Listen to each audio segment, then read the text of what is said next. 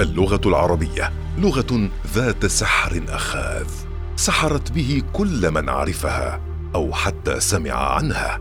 سحر العربية مع إبراهيم العجمي. أهلا بكم أعزائنا في حلقة جديدة من حلقات برنامج سحر العربية لنبحر فيها مع شخصية أحبت اللغة العربية وعشقتها قلبا وعقلا وسلوكا. في هذه الحلقة من برنامج سحر العربية. نستضيف فيها الأستاذة لهية بنت حمد السنانية التي ذكرت بداية كيف كانت قصتها مع اللغة العربية وكيف تأثرت بوالدها الذي يطلب منها قراءة بعض الأشعار لشعراء عمانيين وكيف ظلت معها اللغة رغم تحولها للدراسة غير النظامية بسبب القراءة التي استمرت معها.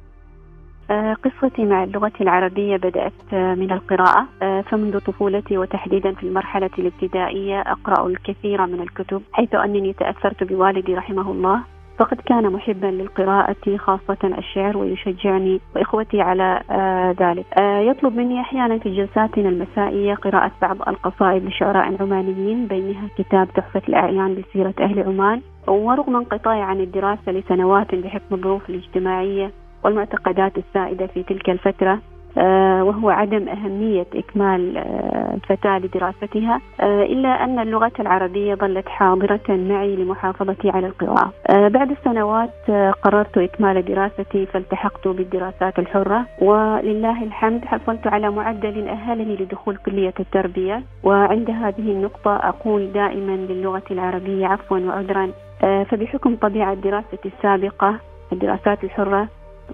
أحسست بالخوف نوعا ما من خوض غمار اللغة العربية وقواعدها آه، فجعلتها وكل حزن وأسف رابع خياراتي عند تسجيل المواد. ولكن أبت الأقدار الرائعة إلا وأن أدرس هذه اللغة فتم قبولي في تخصص اللغة العربية والحمد لله. آه، نعم آه، واجهتني بعض الصعوبات في بداية دراستي ولكن بفضل الله ومن ثم فضل الأساتذة في الكلية ولأنني بالفعل أحببت لغتي استطعت أن أجتاز الصعوبات وتلاشت أمام جمالها كل المخاوف. والحمد لله من هنا كانت انطلاقتي الحقيقية مع اللغة العربية. أحببتها حرفا ولفظا ومعنى ودلالة تقبلها عقلي سلوكا ومنهجا. ومن خلال تجربتي أقول وأؤكد أن اللغة العربية تنمو في ظل القراءة فلنقرأ لأجل اللغة العربية.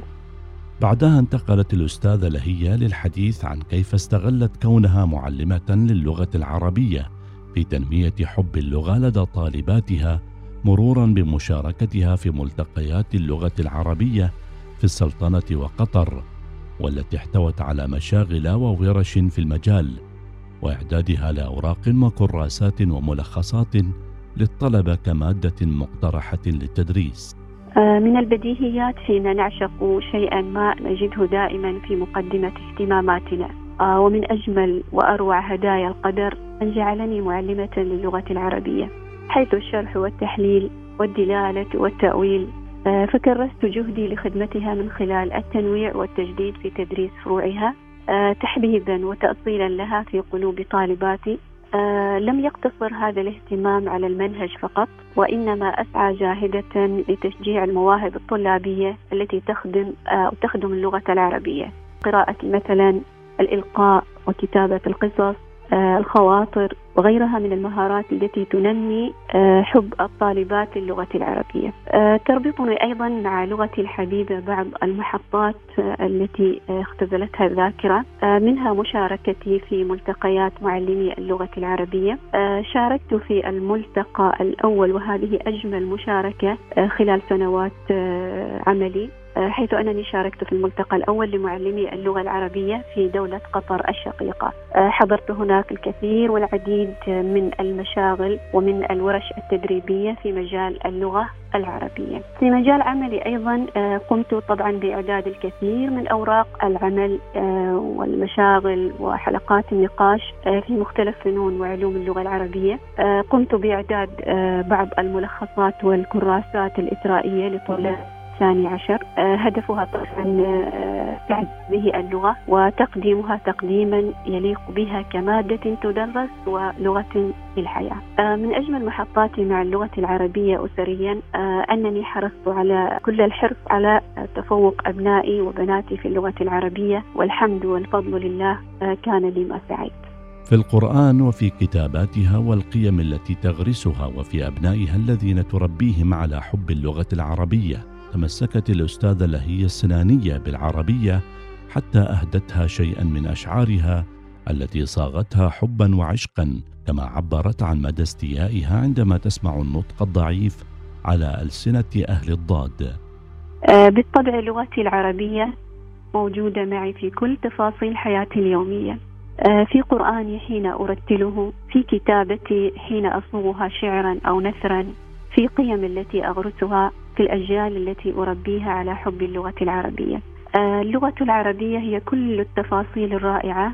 أعيش في كنفها حياة كريمة منعمة والحمد لله رب العالمين.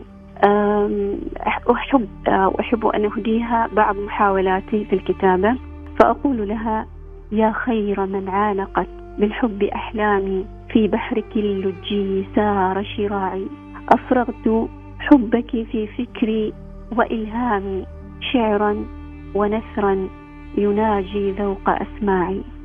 بأمانة أشعر بالاستياء عندما آه، أستمع أو أرى اللغة العربية متكسرة في آه، ألسنة أصحابها وأبنائها.